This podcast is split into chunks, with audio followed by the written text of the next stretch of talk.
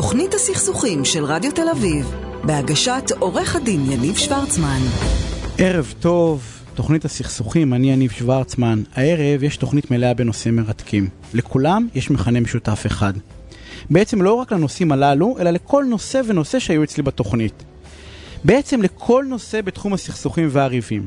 המכנה המשותף הוא הפנים המופתעות של הקרובים ביותר לזה שנמצא או נמצאת בסכסוך. האנשים הכי קרובים שלא ידעו מה הוא עובר או מה היא עוברת. אנחנו קוראים מפעם לפעם על הורים שמופתעים שהבן או הבת שלהם עברו חרם. סיפרו לי לא מזמן על פוסט של אישה שיצאה ממערכת יחסים אלימה ולהורים שלה לא היה מושג, תמיד מופתעים בסוף. הכי קל זה להגיד להם אל תתביישו לבקש עזרה, אל תתביישו לפנות ולהגיד שקשה לכם. כולנו יודעים שזה פשוט לא יקרה. רוב האנשים בעולם, כולל כל אחת ואחד מאיתנו, מתביישים במצב הלא טוב שלנו, במצב שאליו נקלענו. מתביישים שלא בצדק, אני חייב לומר.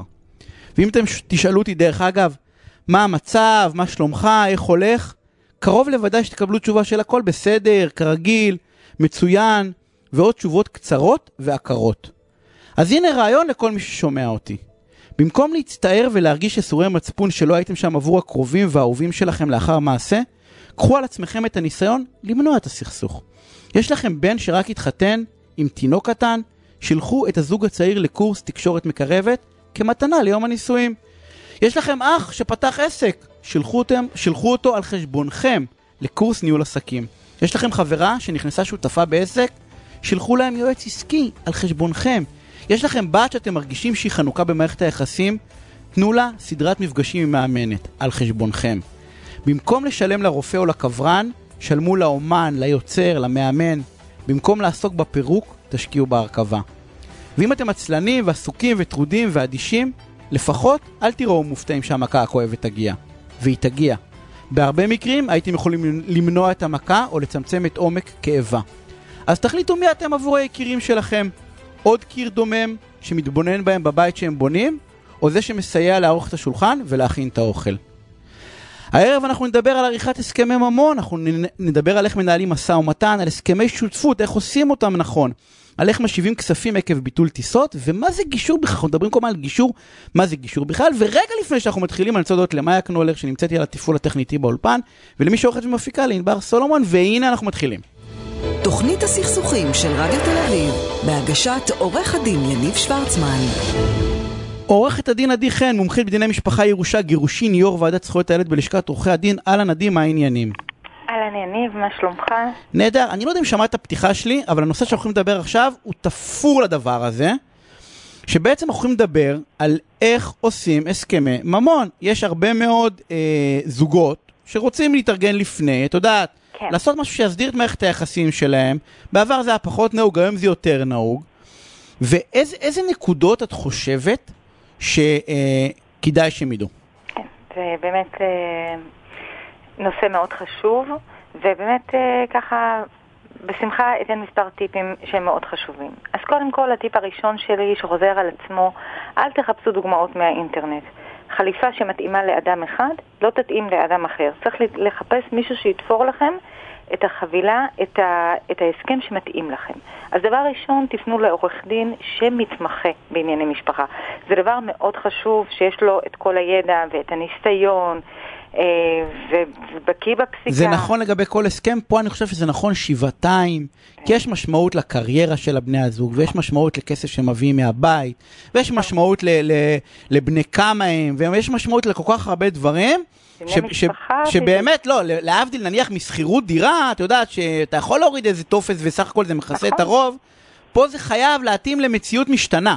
זה משהו כזה ש... זה גם לכל החיים. נכון. אז, אז לכל לכל חיי הניסוי. לכל החיים, ונקווה שזה זה. כן. אז אמרנו אחד, אחד, דעו לכם לא לעשות את העתק הדבק. בדיוק. כי זה עלול לגרום רק לנזק. שתיים, תפנו לעורך דין שמתמחה בענייני משפחה. בסדר?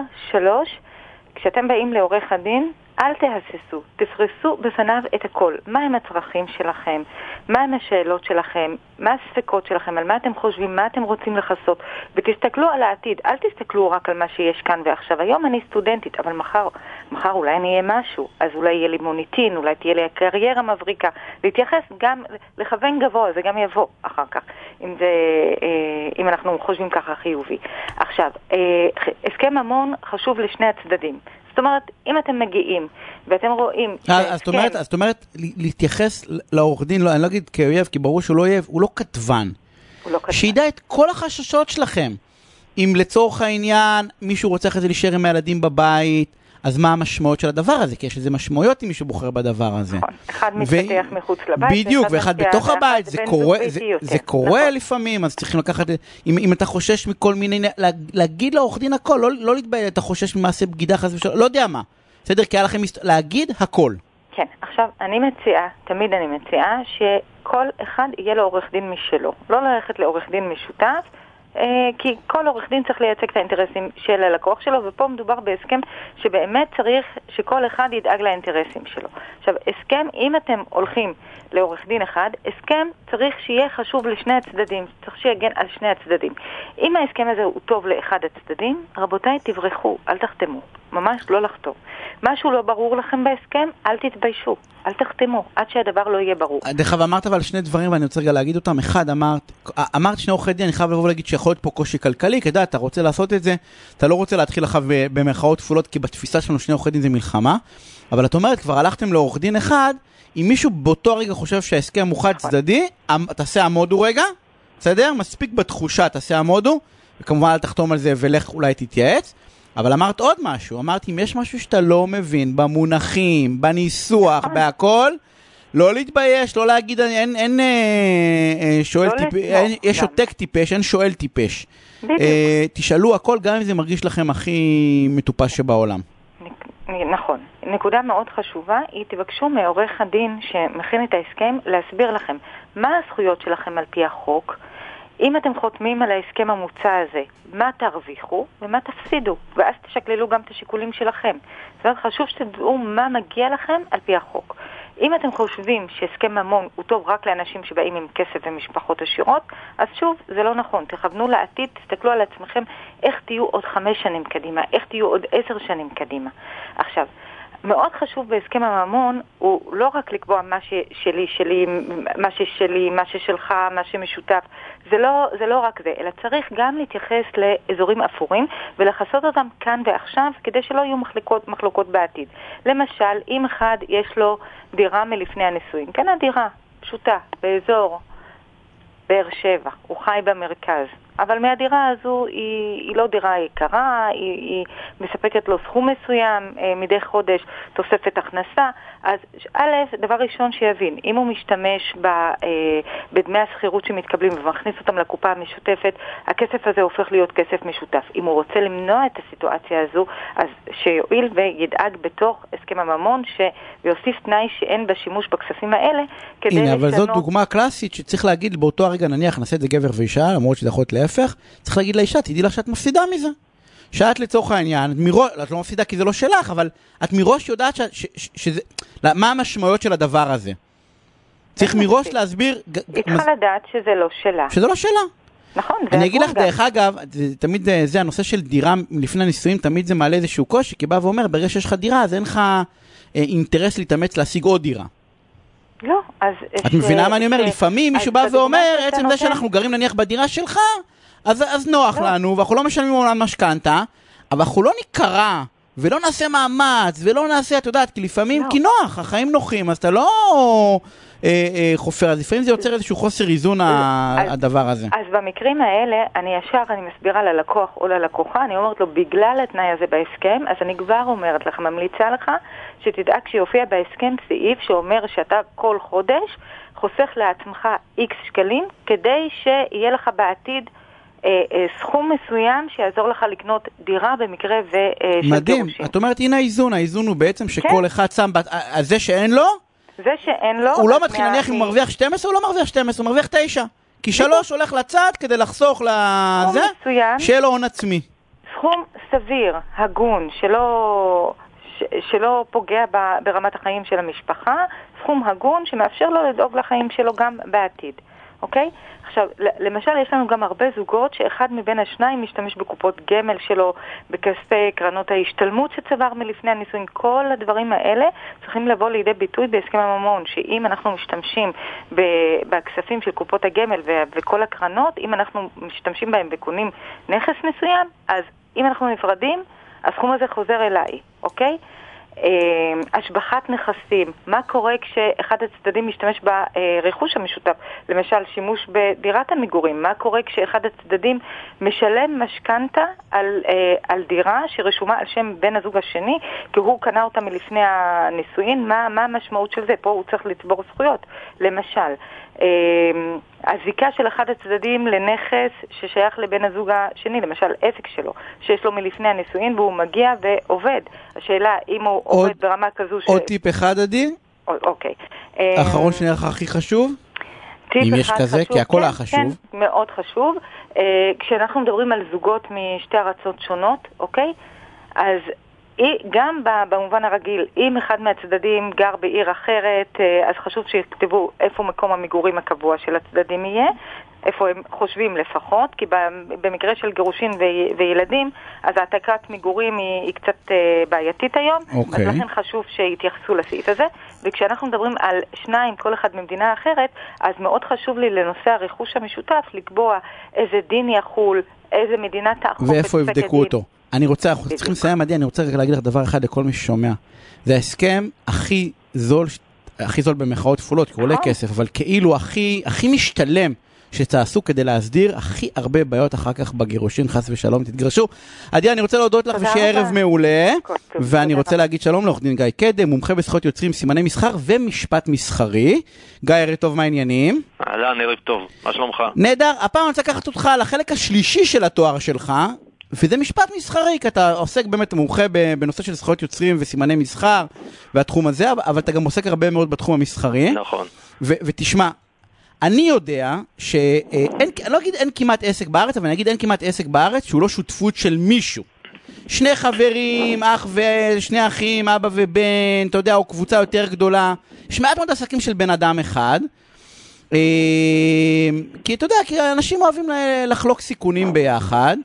אה, זה מצד אחד, מצד שני יש הרבה מאוד עסקים שאתה יודע, שאו גומרים את חייהם, אה, או נקלעים לצרות, ו- ואיך עושים את זה, ואתה יודע מה, אני לא מכיר הרבה אנשים שעושים הסכמי שותפות, ואני רוצה שאתה תיתן לנו טיפים איך לעשות הסכמי שותפות הכי טוב שאפשר.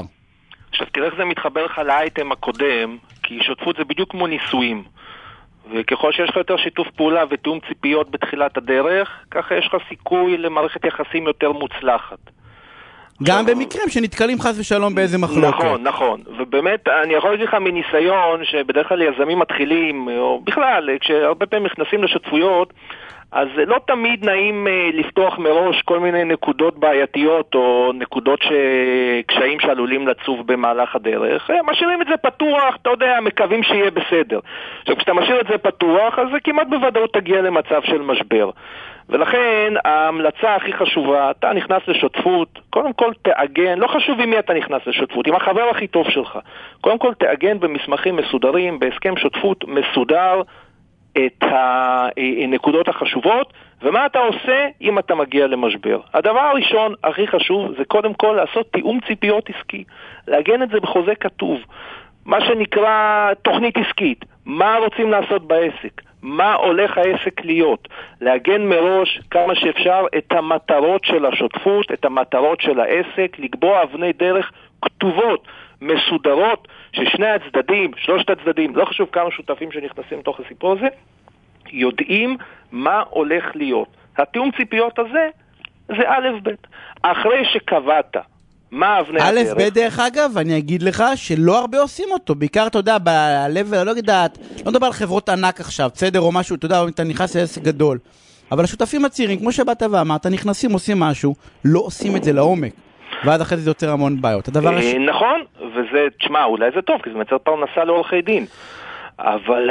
אז כמו, אגב, הקורונה טובה, כי מייצרת פרנסה לקברנים, אתה יודע, כן, לחברת יודע, קדישא, יש כל מיני... אה, החוכמה היא לעשות מה שנקרא, אה, לעשות חוזה שהוא מונע צרות. נכון. אתה עושה את זה מראש, הוא כדי- מצמצם, כדי מתחם לחסוך צרות. מעצמך אחרי זה את הכאב ראש, אם יש לך עסק מצליח ואתה מתחיל לריב עם השותף שלך, אז בסוף שניכם תפסידו מזה. נכון, אז אמרנו תיאום ציפיות מפורט, כתוב, לא מדובר על כמה כוסות קפה תמכרו ביום. מדובר על הערכים, על איך זה הולך להתנהל, על, ה, על התוכנית עסקית, כמו נכון, שצריך. לקבוע אבני דרך מסודרות. דרך אגב, אם אתה פותח בית קפה, אז יכול להיות שאתה רוצה לקבוע כמה כוסות קפה אתה מוכר ביום, זה, זה לא ח... בושה. אבל זה חלק, זה לא, זה, אתה תמיד אנחנו עוברים לכמה אנחנו מרוויחים, זה רק חלק יפה. מהדבר. אז אחרי שעשית תיאום ציפיות עסקי, חוזי, של מה המטרות, מה הולכים לעשות, אתה קודם כל צריך לעשות בתוך החוזה, לעגן את התקציב שלך.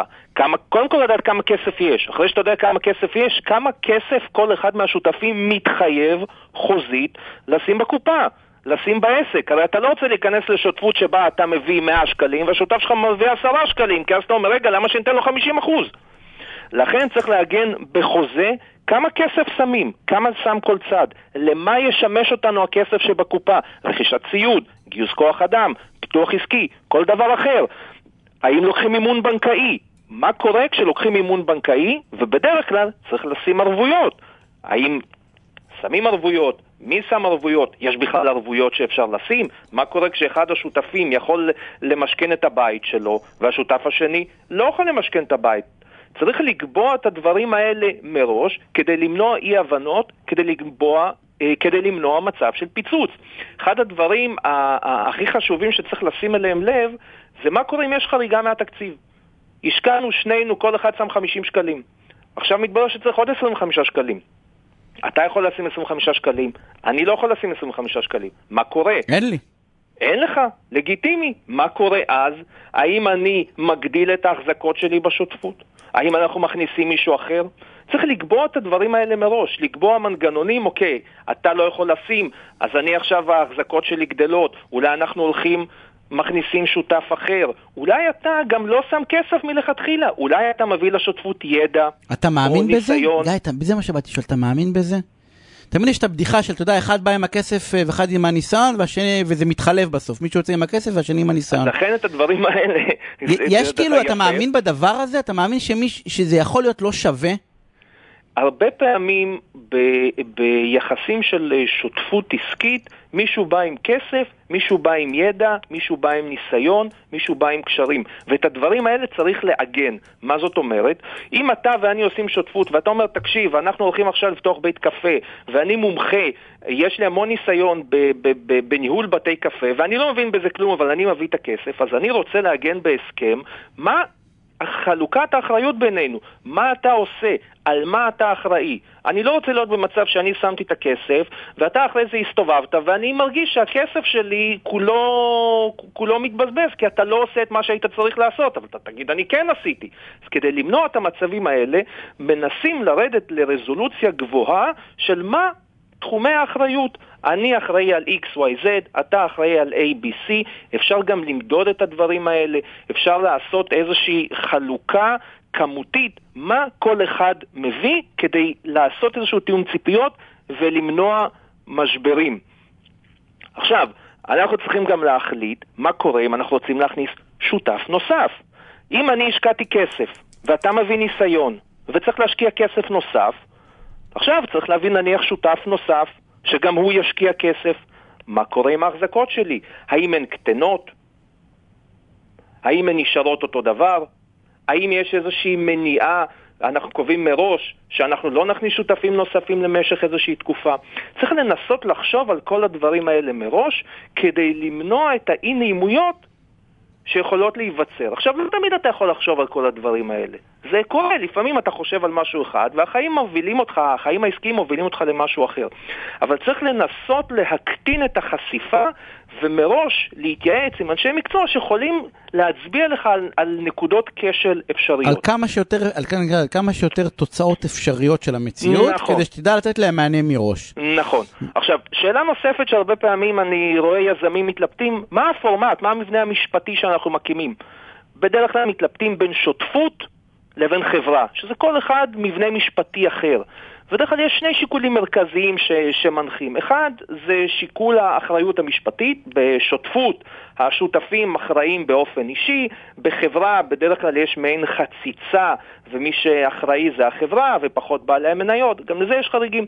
השיקול המרכזי שלדעתי צריך להנחות בהיבטים האלו הוא השיקול המיסויי. כי בדרך כלל בשותפות השותפים ממוסים באופן אה, אישי לפי המס השולי שחל עליהם, בחברה יש מיסוי של החברה, אחרי זה יש מיסוי של בעלי מניות. שזה שאלה מיסויית. שזה שאלה מיסויית, עכשיו צריך להתייעץ מראש עם רואה חשבון, עם איש מקצוע, ולהחליט מה המבנה המשפטי הנכון. הנכון. יש לי שאלה, בסדר? כי יש לנו עוד דקה. תראה, יש, יש לך איזשהו רעיון. אחד הדברים שאני, אתה יודע, שאני נתקל בהם יותר ויותר בשותפויות, בסכסוכים, זה העובדה שאתה יודע, מתחילים שני שותפים לא משנה מה, ובאיזשהו שלב אחד מאבד קצת מהמוטיבציה. ואז יש תחושת מרמור גדולה בצד, אתה יודע, אצל השותף השני. Mm-hmm. באופן טבעי דרך אגב, גם בין בני זוג, אתה יודע, מתחילים בזה, ואז מתחילים להרגיש. יש איזה, יש סעיף שאפשר להסדיר את הדבר הזה? או ש... כן, או ש... כן. מה? מה, איך? יש סעיף, וחשוב להכניס מראש סעיף של אומר, איך מפרקים את החבילה? רוצים להתגרש. אוקיי? אז יש כל מיני מנגנונים שיכולים לקבוע. אפשר לקבוע כל מיני אבני דרך שבו נראה אם העסק מגיע לכל מיני יעדים. אם הוא לא הגיע, אז אפשר או לפרק אותו, למכור את העסק, למכור את המוניטין, או לחלופין, אם מישהו, מה שנקרא, כבר לא בא לו, יצא לו הרוח מהמפרשים, אפשר לקנות, לבנות מנגנון של uh, רכישה הדדית, מה שנקרא במבי, by me, by you. כלומר, אחד השותפים... מראש אומר, אבל, כדי שלא יהיה אחרי זה מעשה כן, סחיטה כן, ועניינים. ודאי, ודאי, ודאי. בהסכם שותפות הראשון שאנחנו, בהסכם שותפות או בתקנון החברה... גיא, אנחנו חייבים לסיים. משפט אחד, אנחנו כן. קובעים מנגנון שבו אחד השותפים מציע לשותף האחר לקנות את חלקו, ומבצעים איזושהי התמחרות, מי שנותן את ההצעה הכי גבוהה, הכי טובה, קונה את החלק של השותף שלו ומוציא אותו. תזכיר לי שאנחנו נעשה פינה על הבמבי הזה, יש שם טריקים קצת. אה, אבל זה זמן, אין לנו מספיק זמן. גיא, אני רוצה להודות לך שערב מעולה. תודה רבה. אנחנו יוצאים להפסקת פרסומות קצרה וכבר חוזרים. תוכנית הסכסוכים של רדיו תל אביב, בהגשת עורך הדין יניב שוורצמן. ולנושא הבא נמצאת איתי דוקטור הילה דותן, חברת סגל ומרצה בפקולטה לניהול, מרצה בפקולטה למשפטים ובתוכנית לדיפלומטיה וביטחון לבחירים באוניברסיטת תל אביב, מומחית בניהול משא ומתן עסקי ובינלאומי. אהלן הילה, מה נשמע? בסדר גמור. יופי, תשמעי, אני חיפשתי מומחית בניהול משא ומתן. אנחנו כל הזמן מדברים על משא ומתן, אנחנו כל, כל, כמעט כל הזמן בחיים שלנו מנהלים משא ומתן, ואף אחד לא מלמד אותנו איך לעשות את זה נכון. לא בבית ספר של הבנים שלי, לא ביסודי ולא ב, ב, ב, בחטיבה ולא בתיכון, ואולי את מי שמעניין אותו אחר כך, אה, אה, אולי את יודעת באוניברסיטה. יש משהו, מישהו שטוב בזה אז עושה את זה ברמה האינטואיטיבית, או יודעת איזושהי אינטואיציה, אבל לא מלמדים אותנו. ואני אשמח אם תתני לנו, למאזינים, את יודעת כמה טיפים איך לעשות את זה נכון. או איך לעשות את זה, את יודעת, שנוכל לקבל את, אה, את מה שהיינו רוצים לקבל במשא ומתן.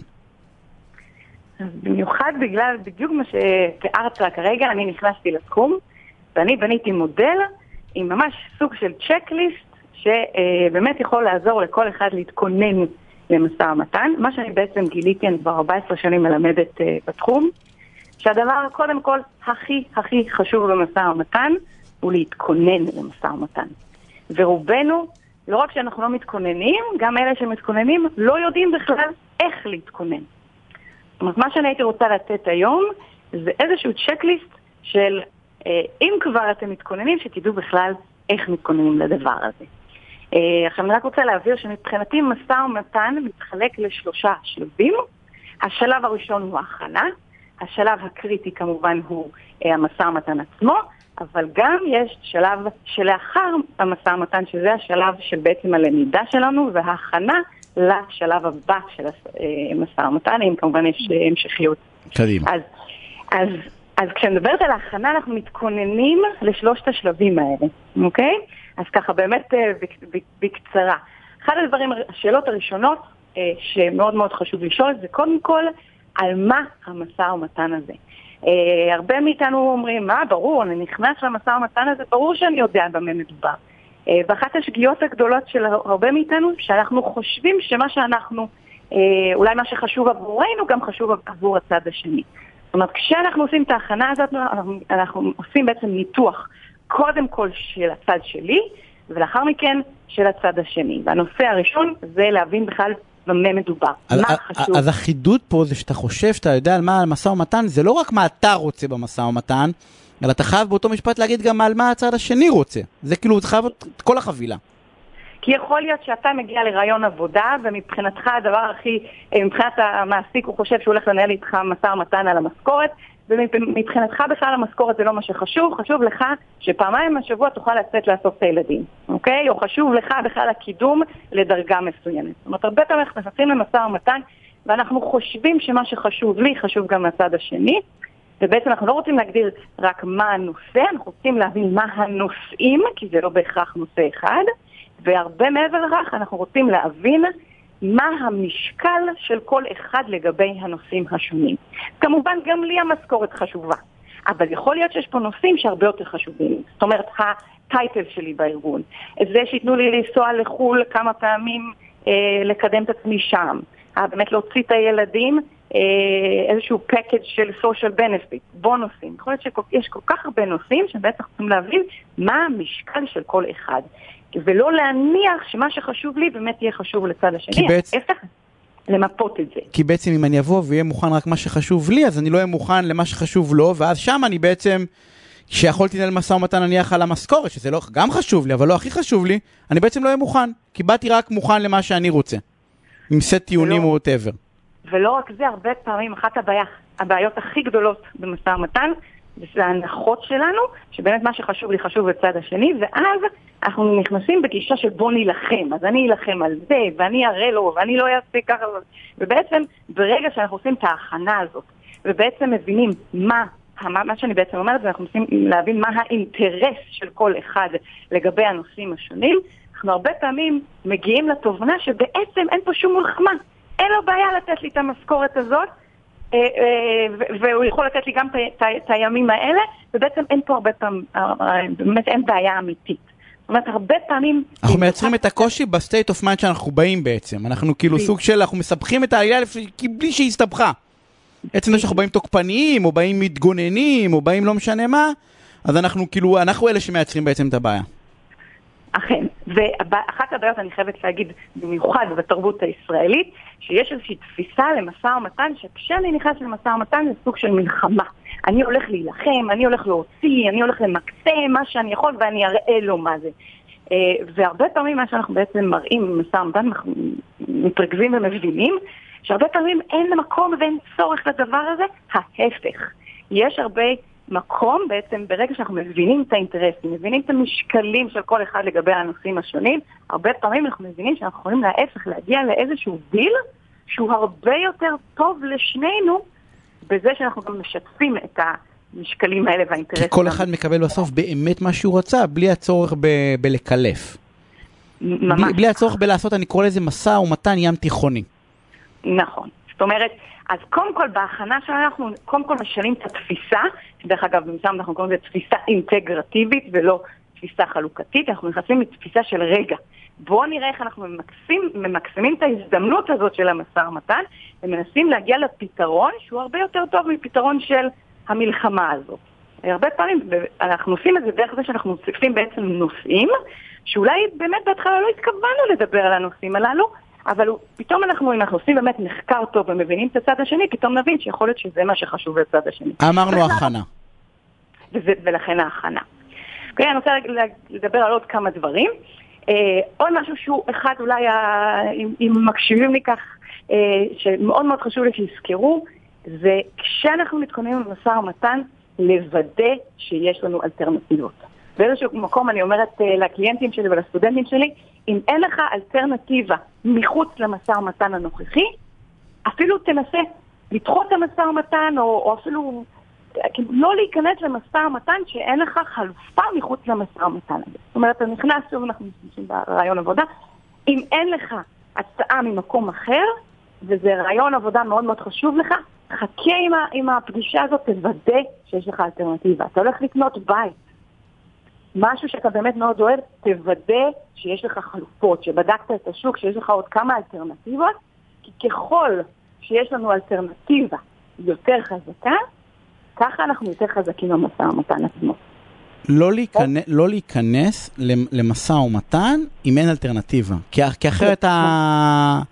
באתי להגיד משהו פוליטי, אני לא אגיד, כי אחרת אתה עלול להיסחט, בסדר? במובן ה... ממש לא- כשאין לך ברירה, כשאין לך ברירה, אתה מסכים לתנאים בגלל שבעצם אין לך אלטרנטיבות. זאת אומרת, אחד הטיפים שלי, לא להיכנס למשא ומתן, או לדחות אותו, לעשות כל מה שאפשר, כדי שכשאתה תיכנס למשא ומתן, בעצם מה שאני אומרת, תוכל לקום וללכת. ותוכל לקום וללכת לטובת האלטרנטיבה שלך. כמובן שככל שהאלטרנטיבה יותר חזקה, אז ברור, אז הכוח שלך יותר, אתה תקום ותלך מהר יותר לצורך העניין, בסדר? או המינוף שלך יהיה גדול יותר. לא רק זה, אני אתן ככה טיפ. כן. כשאתם שומעים שמישהו מאיים עליכם במשא ומתן, זה צריך להיות כבר איזושהי נורה אדומה, שכנראה אה, יש לכם הרבה יותר כוח במשא ומתן הזה ממה שאתם חושבים. כי מי שבאמת יכול לקום וללכת במשא ומתן, אין לו צורך לאיים, הוא פשוט יקום וילך. מי שמאיים, כנראה שהוא צריך הילה, את מתארת את הילדות שלי בבאר שבע, תמיד אמרנו, הערסים שצועקים, וזה, הם הערסים הכי לא מסוכנים, סליחה שאני אומר את זה. דווקא השקטים, האלה שבאים לך, תשמע, כדאי לך, אני ממליץ, הם, מהם צריך להיזהר. אז זה לגמרי כל הילדות שלי עשיתי את זה, אז את באה ואומרת בעצם, מי שמאיים עליך, דע לך דווקא שאתה במקום מאוד טוב. כי אין, כשאתה באמת יכול לקום וללכת, אתה בא ואתה אומר, תקשיב, תודה רבה, היה נעים מאוד. אה, פשוט באמת, אה, אני מעדיף אה, לבחון אופציות אחרות. בוא נשמור על קשר, מי יודע מתי נתפגש, תודה רבה, ואתה פשוט קם והולך, אתה לא צריך לאיים. מהמם. הילה, עוד משפט אחד, אנחנו אנחנו נפרק את הפינה הזאת כנראה לשניים, אבל עוד משפט אחד, כי אנחנו צריכים לסיים.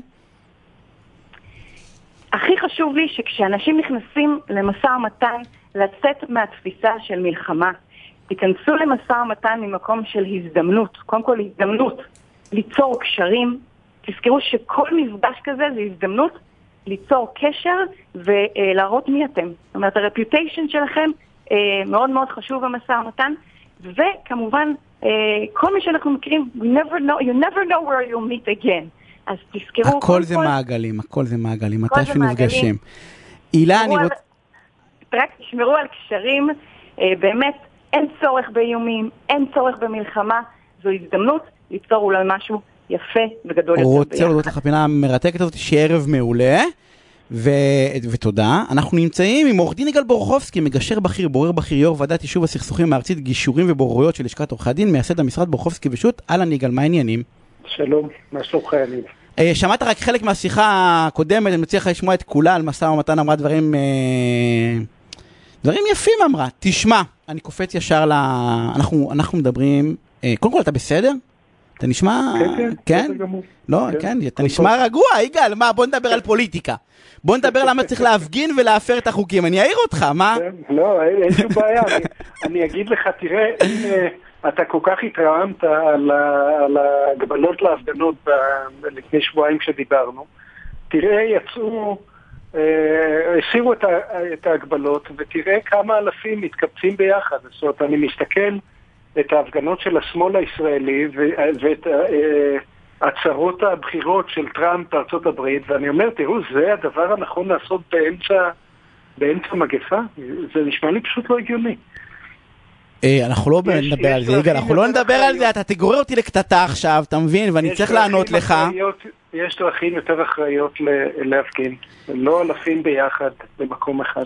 אמ, אמ, וההפגנות לא מדבקות, אבל אנחנו לא נעשה את השיח הזה הרי, נכון? כי אנחנו יכולים לריב עליו, אני אנרכיסט ואתה אה, שומר על המשטר והשלטון הישן לא, לא, והטוב, כן, אל תגיד לי לא. הבריאות שלנו, לא הבריאות שלנו. לא אבל, לא יש. מחלוקת על הבריאות שלנו, אתה מבין? אתה מאמין לדוברי המשטר והשלטון, ואני קצת פחות, מותר לנו. אין, אין מחלוקת שהרבה אנשים ביחד זה יותר מדבק מאשר מעט אנשים ביחד. אה, אה, בוא, בוא לא נהפוך את הכל לוויכוח. אה, חד, מש, חד משמעית, השאלה אם ההדבקות שם, אבל אנחנו לא, יגאל, תקשיב, אנחנו לא, יש לנו פינה, כמו אימא שלי בצורה אחראית, ליד הבית שלה יחד עם עוד עשרה אנשים. לא חייבים להפגין אלף איש ביחד.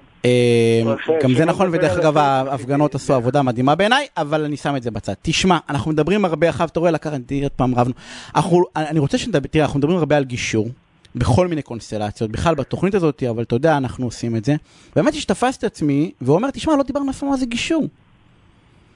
כאילו, אתה עשית איזה פודקאסט מעניין ששווה ללכת לחפש ולשמוע אותו באינטרנט, אבל אני, אתה יודע, מה זה, מה זה גישור? איזה סכסוך, מת- אני אשאל אותך שאלות, איזה סכסוך מתאים לגישור?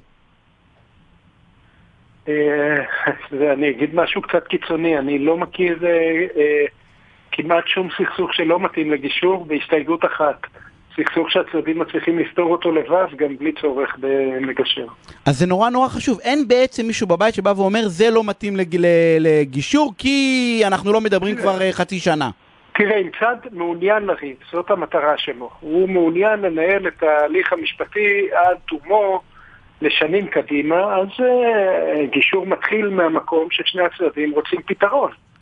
אני לא מכיר אף אחד שרוצה לריב, אני מכיר, אתה יודע, יש אנשים שלא מכירים ואז הם אומרים, מה החלופות שלי? אתה יודע, זה כמו ילד שמרביץ כי הוא לא יודע משהו אחר.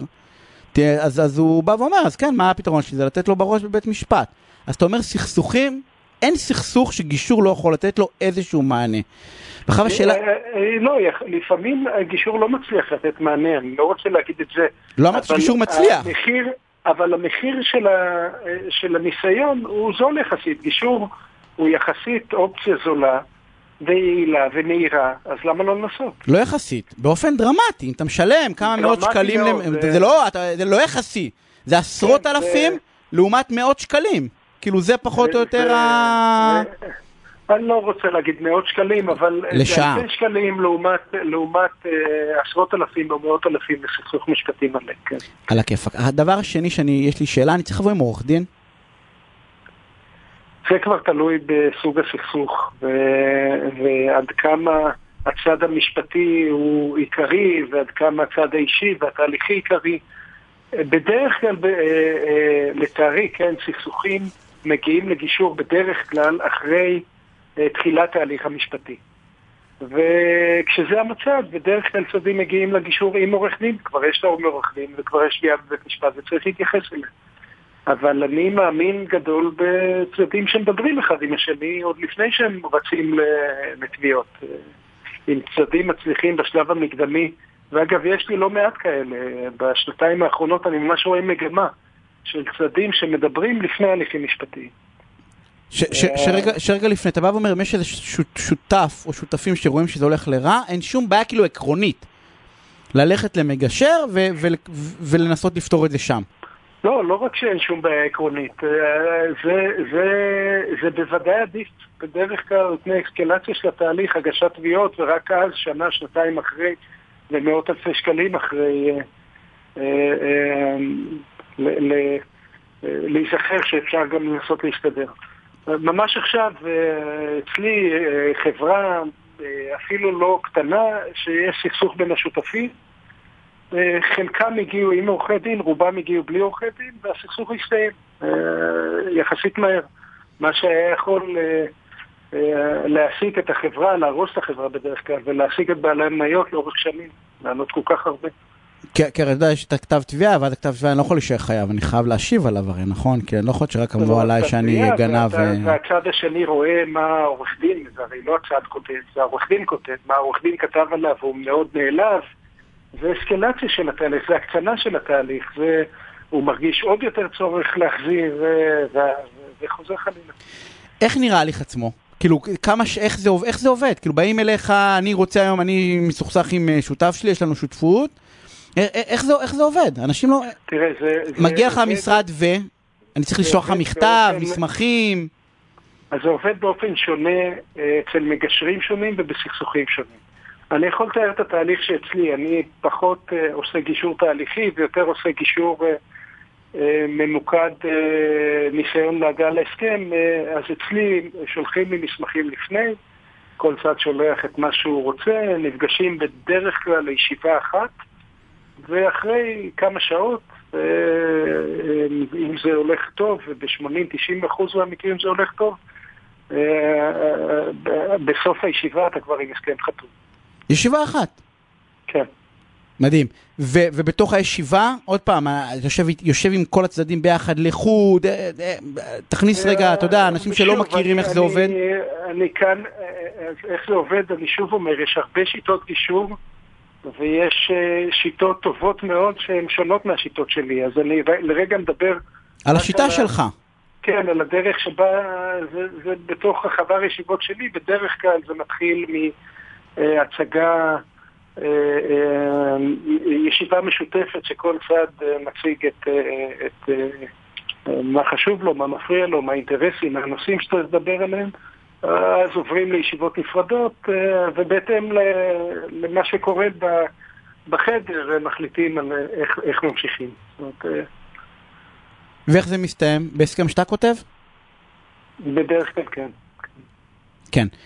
הסכם שהמגשר כותב, ובהנחה שהמגשר הוא עורך דין, זה גם, אה, זה גם מומלץ. אני, אני יכול לספר לך ש, שבאחד מהפעמים לא, לא היה לי זמן, ממש ביקשתי מאחד מעורכי הדין לכתוב, לכתוב את הטיוטה הראשונה בהסכם גישור מאוד סבוך. הצד השני קיבל את הטיוטה ואמר לי, אני לא מוכן לקרוא אותה בכלל. אמרתי לו, למה? קראתי, זה סביר. אמר לי, לא, לא, אתה לא מבין, הלקוח שלי רק מלחשוב שהצד השני כתב את זה, הוא, הוא כבר... כבר... כבר רואה פה איזשהו מוקש. כן, ההערות שלי יצטרכו להיות אינטנסיביות, עזוב, קח, שים אותה בצד, תכתוב טיוטה אה, משל עצמך והעניין ייגמר, וזה מה שעשיתי והעניין אכן נגמר. זה סכסוך שהיה אה, אה, בעשרות הליכים משפטיים לפני כן, כן? זה נגמר ב... ישיבה אחת אחרי שהטיוטה הוצאה לצדדים. יגאל, במשפט, כי אנחנו צריכים לסיים, אם אתה יכול להגיד לי, לא נעשה על זה פינה, אם... זה נשמע מדהים, אני מכיר את העולם הזה, אתה מכיר את העולם הזה, זה עובד. למה אנשים לא הולכים לזה? קודם כל, אני חושב שיותר ויותר אנשים הולכים לזה. אה, אני חושב שהגישור בישראל עשה כברת דרך אדירה ב-20 שנה האחרונות. אני מסכים איתך שיש עוד, אה, עוד כברת דרך גדולה לעשות. אני חושב שחלק... אה, אה, נובע מאנשים פשוט לא יודעים. לא, אז הנה, אה, תוכניות רדיו כמו שלך מאוד מסייעות לאנשים להבין, אפילו להגיד לעורך דין שלהם, אני רוצה גישור לפני שנכנסים להוצאות משפטיות. או, או לפני שהם שכרו עורך דין, אז חלק לא יודעים, חלק נגררים לתהליך המאוד סוחף הזה של הליך משפטי, של מריבה גוררת מריבה, והצד השני מרביץ, אתה מנסה להרביץ יותר חזק.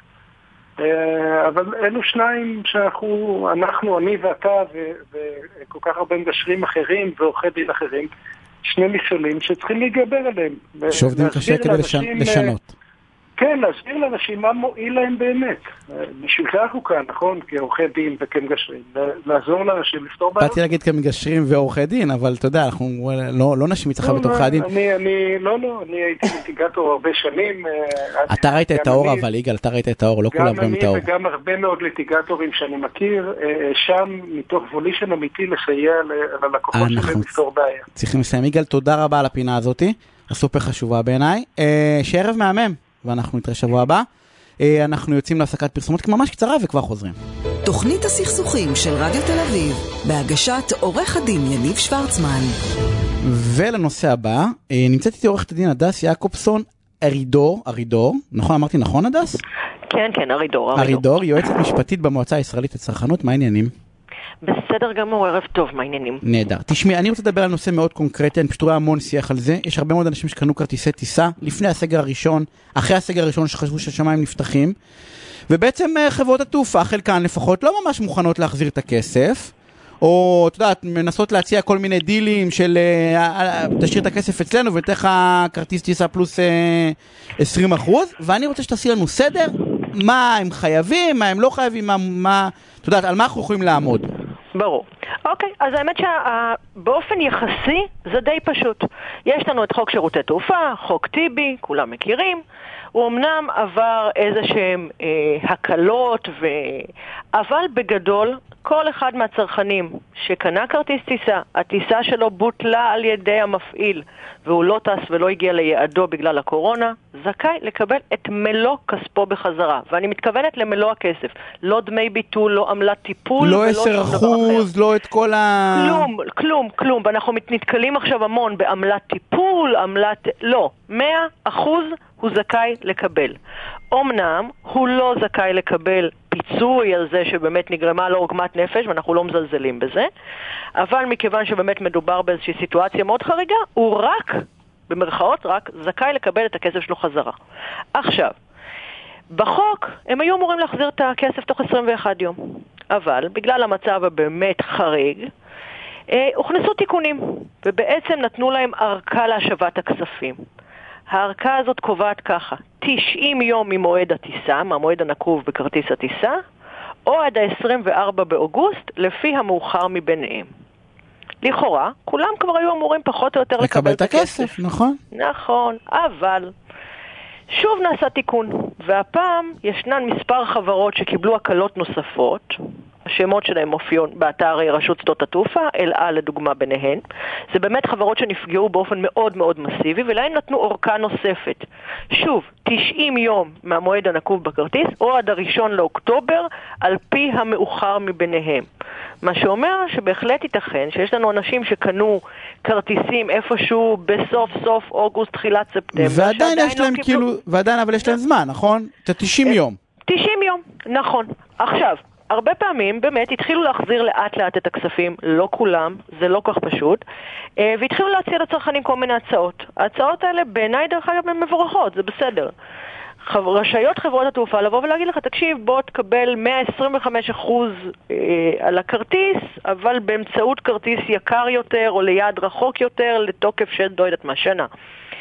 שוב, מי שזה מתאים לו, ואומר בסופו של דבר אני רוצה לטוס, זה מתאים לי, אז, אז הוא יכול לעשות עסקה נהדרת. שוב, מאוד מאוד חשוב. אבל הם לא המחוקק יכולים קבע. להכריח, הם לא יכולים להציג לי אין כאילו אני, להכריח. תיקח אין 125 או תעשה זה, זה כאילו, שום דבר. יכולים לבקש יפה. הם יכולים לבקש ממש יפה, ממש יפה ובנימוס, בתקווה שיהיו אנשים שאולי זה יתאים להם ואולי זה ישתלם להם. אבל אם אתה אומר לא, הם מחויבים להשיב את מלוא הכספים. אין פה בכלל שאלה. זה, החוק פה מאוד מאוד ברור. ואם הם מאחרים את המועד להשבת הכספים אחרי כל ההקלות שניתנו, הצרכנים גם יהיו זכאים לתבוע אה, פיצוי ללא הוכחת נזק. וזה כבר מתחיל להיות אה, באמת כמה- איזשהו שוק. סתם מעניין כמה, כאילו, מה השוט, כמה... 10,430 שקלים עשרת מדויק. אלפים, ארבע- וואי, זה- אוקיי, אז אז לצורך העניין זה שוט שוט. כן, כן, יש פה שוט יפה, ובאמת כבר, אם, אתם, אם הם לא, אחר כל ההקלות לא השיבו את הכספים במועד, כן, בהחלט ניתן להגיש תביעה קטנה כנגד אותה חברת תעופה, ולהגיד, חבר'ה, עכשיו אנחנו כבר רוצים פיצוי על פי, על, ללא הוכחת נזק, על פי החוק. בקיצור זה חד משמעי ומי שנתקל אז יכול כמובן לפנות אליכם למועצה לצרכנות או להגיש תביעה. קטנה או להגיש תביעה קטנה נכון. באתר שלנו יש כן? אפילו דוגמה של תביעה קטנה כזאת. מהמם. אז עכשיו זה ברור לגמרי, אני רוצה, כי נשאר לנו עוד דקה וחצי, בכל זאת משפט על סוגיה קצת אחרת, על נושא האולמות באירועי חתונה. אוי, כן, טוב. מה, אכן אני שילמתי סופר 5,000 סבוכה. שקל מקדמה, היה סגר, אין אה, זה, האולם אומר לי, תשמע, לא סגרו בגללי, תדחו לעוד אה, שלושה חודשים, אני כבר לא מעוניין להתחתן עוד שלושה חודשים, כן, עשיתי כבר טקס, עשית טקס קטן נכון. וזה, וגמרנו את הסיפור. צריכים להחזיר לי או לא צריכים להחזיר לי את הכסף? לכאורה לא קיבלת שירות, אתה זכאי לקבל את הכסף שלך. הלכאורה- שזה- מדאיג אותי אבל. הלכאורה בהחלט מדאיג, כי באמת הם יבואו ויגידו הסיכול פה הוא משני הצדדים, ויש פה באמת סיטואציה מאוד מאוד אה, אה, פרובלמטית, ונשאלו גם מה הנזקים שכבר נגרמו, כי אם זה היה חודש, שבועיים לפני החופה, אז אולי הוא כבר קנה דברים, ויש אה, ספקים שהוא שילם להם, ושני הצדדים ניזוקו באיזשהו מקום. אבל בסופו של דבר, הכלל הבסיס אומר, לא קיבלת, אתה זכאי לקבל החזר. במקרה של אולמות זה בהחלט יותר מסובך. אה, וצריך לבדוק באמת כל מקרה לגופו, ואנחנו ממש ממש מנסים להגיע להסכמות ואיכשהו לנסות למזער את הנזק לכל הצדדים, שבאמת לכולם קשה במק- במקרה הזה. את בעצם אומרת בגדול הכלל הוא לא, לא, לא קיבלת, לא שילמת, באופן גורף, באופן אבל נקודתי, once כבר המקום, זה יכול להיות uh, מישהו שעשה לך שמלת כלה וכבר קנה בגדים, נכון. וזה יכול להיות מישהו כבר הוציא איזושהי הוצאה, אז לא ללכת ראש בקיר ולהגיד חייבים להחזיר, אלא רגע לשבת, לראות אם אכן היו הוצאות ריאליות ואמיתיות ב... בפועל, ולהגיע, אם אכן היו, להגיע לאיזושהי הסכמה. נכון. אבל לא היו אידיאלי. מחזירים את כל הכסף, נכון? אין פה לעשות על סיבוב. ו- פניו, על פניו בוודאי, להגיד לך שכל זה מה שבית משפט יפסוק בכל תיק, קשה לי להעריך את זה, כי באמת מדובר בסיטואציה מורכבת, אבל מבחינה חוקית, חוזית, חד בוודאי. משמעית צריכים להחזיר. תלוי בגובה המקדמה, מקדמה קטנה, תשחררו ותתקדמו הלאה ותהנו מה... מאיפה שהתחתנתם, ואם היא גדולה, אז תיאבקו על זה. הדס, אני רוצה להודות לך. אה, אה, מעולה. אה, גם אנחנו. צריכים לסיים. אנחנו שבוע הבא ביום שני, בשמונה בערב, באותה שעה. אני רוצה להודות למאיה קנולר שהייתה על התפעול הטכני, ולענבר סולומון שערכה והפיקה את התוכנית. אתם מוזמנים אחרי זה לשמוע כמובן באתר האינטרנט. תשמרו על הבריאות שלכם, שנוכל באמת להתראות בבריאות טובה שבוע הבא. ביי.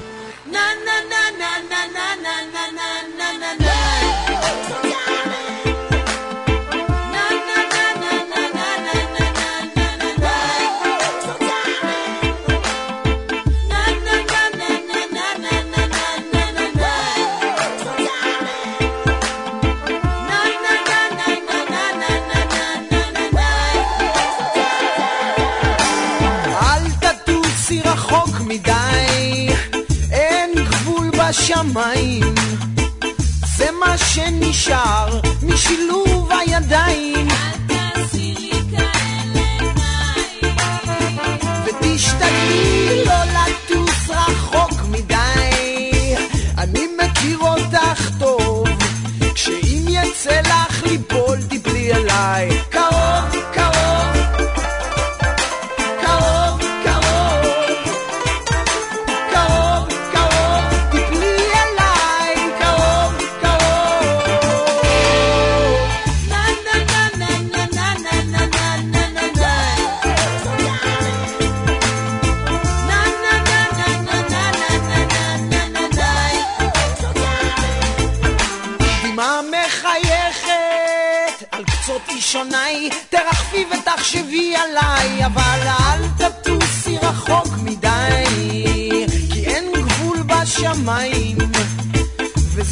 chaîne Michard.